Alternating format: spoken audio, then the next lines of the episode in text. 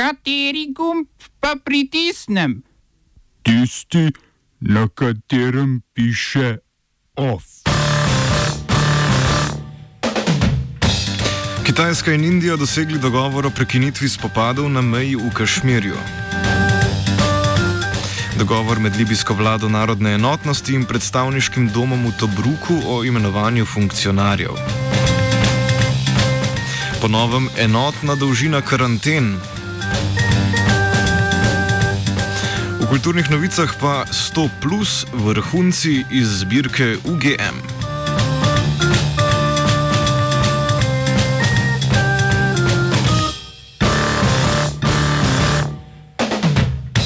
Dobar dan, zunanjega ministra Kitajske in Indije, Van Yi in Subrahmanjan Jajanškar sta na srečanju v Moskvi dosegla dogovor o prekinitvi spopadov vzdolž mejnega območja v Kašmirju, tako imenovane linije dejanskega nadzora.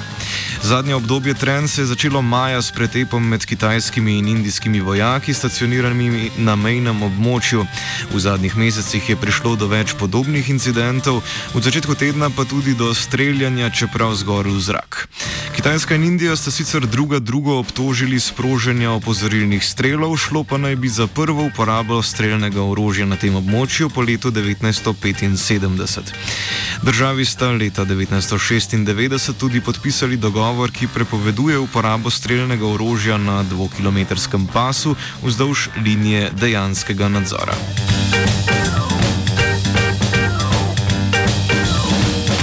Podjetje Microsoft je Rusijo, Kitajsko in Iran obtožilo hekerskih napadov na oba kandidata ameriških predsedniških volitev, Donalda Trumpa in Joea Bidna.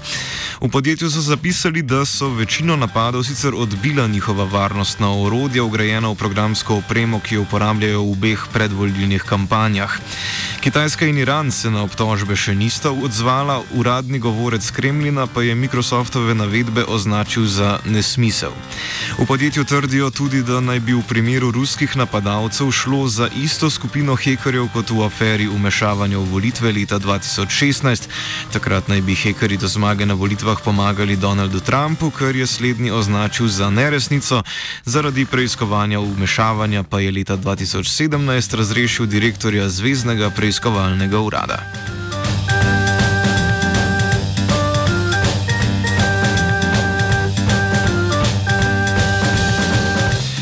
Predstavniki libijske vlade narodne enotnosti in predstavniškega doma iz Tobruka so na pogajanjih v Maroku dosegli dogovor o kriterijih in mehanizmih za imenovanje ljudi na ključne položaje v državnih ustanovah. Gre predvsem za funkcije v Libijski centralni banki, državni naftni firmi in vojski. Srečanja pa naj bi se nadaljevala konec septembra, predvsem z namenom finaliziranja zdaj doseženega dogovora. Mednarodno priznana vlada narodne enotnosti je bila ustanovljena leta 2015 pod sponzorstvom Združenih narodov. Do spora s predstavniškim domom je prišlo leta 2016, ko je slednji glasoval proti potrditvi vlade kot edine legitimne predstavnice oblasti v Libiji. Predstavniški dom se je iz prestolnice Tripoli preselil v Tobruk zaradi državljanske vojne, ki je izbruhnila leta 2014 med sprtima stranema in raznimi drugimi političnimi frakcijami ter islamističnimi milicami. Sedmerica evropskih držav je na srečanju na Korziki pozvala Turčijo k nadaljevanju pogajanj v ureditvi meja z Grčijo in Ciprom. Prav tako so Turčiji zagrozili sankcijami, če, ne bi če se ne bi bila pripravljena udeležiti pogajanj. Turčija je izjavo označila za pristransko in nerealno, je pa izrazila pripravljenost za nadaljevanje pogajanj z Grčijo. Državi so sicer že dolga leta v konfliktu glede ekskluzivne ekonomske cone v Egejskem morju, do zadnjega incidenta pa je prišlo prejšnji mesec. Turčija je na območje, ki ga ima Grčija za svoje, poslala raziskovalno ladjo iščoč nafto in plin, kasneje pa je izvedla tudi vojaške vaje. Grčija trdi, da so pri tem turška letala vstopila vstopila v njen zračni prostor.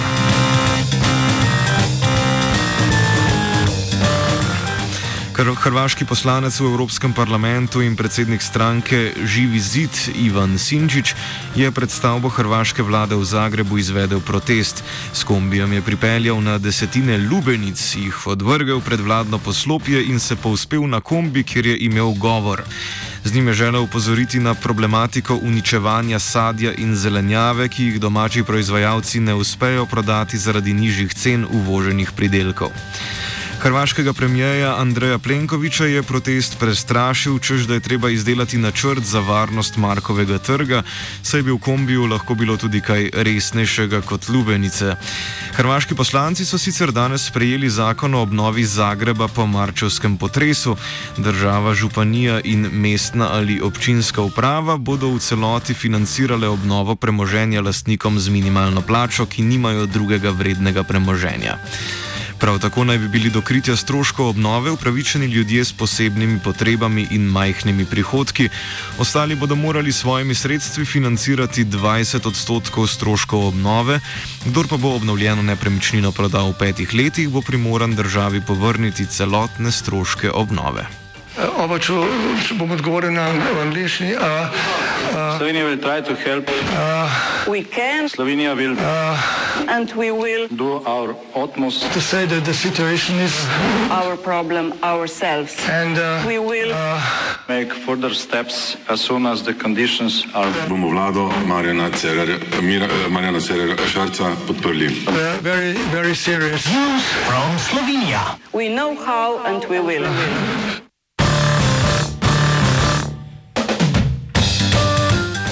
Dnevno število okužb z novim koronavirusom pri nas je v četrtek preseglo stotico.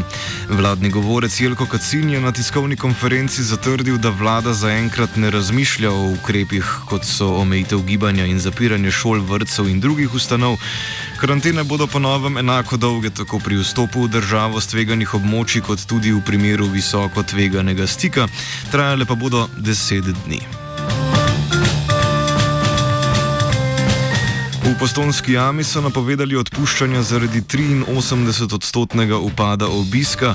Velika večina gostov je namreč iz tujine, zato tudi turistični boni oziroma počivavčari niso oblažili upada obiskov zaradi zaprtih mej. Število odpovedi še ni znano, saj pogajanja vodstva jame s sindikati še potekajo, po poročanju primorskih novic pa naj bi ukinili od 60 do 174 delovnih mest. Prednost pri ponovnem zaposlovanju naj bi imeli izobraženi in usposobljeni kadri.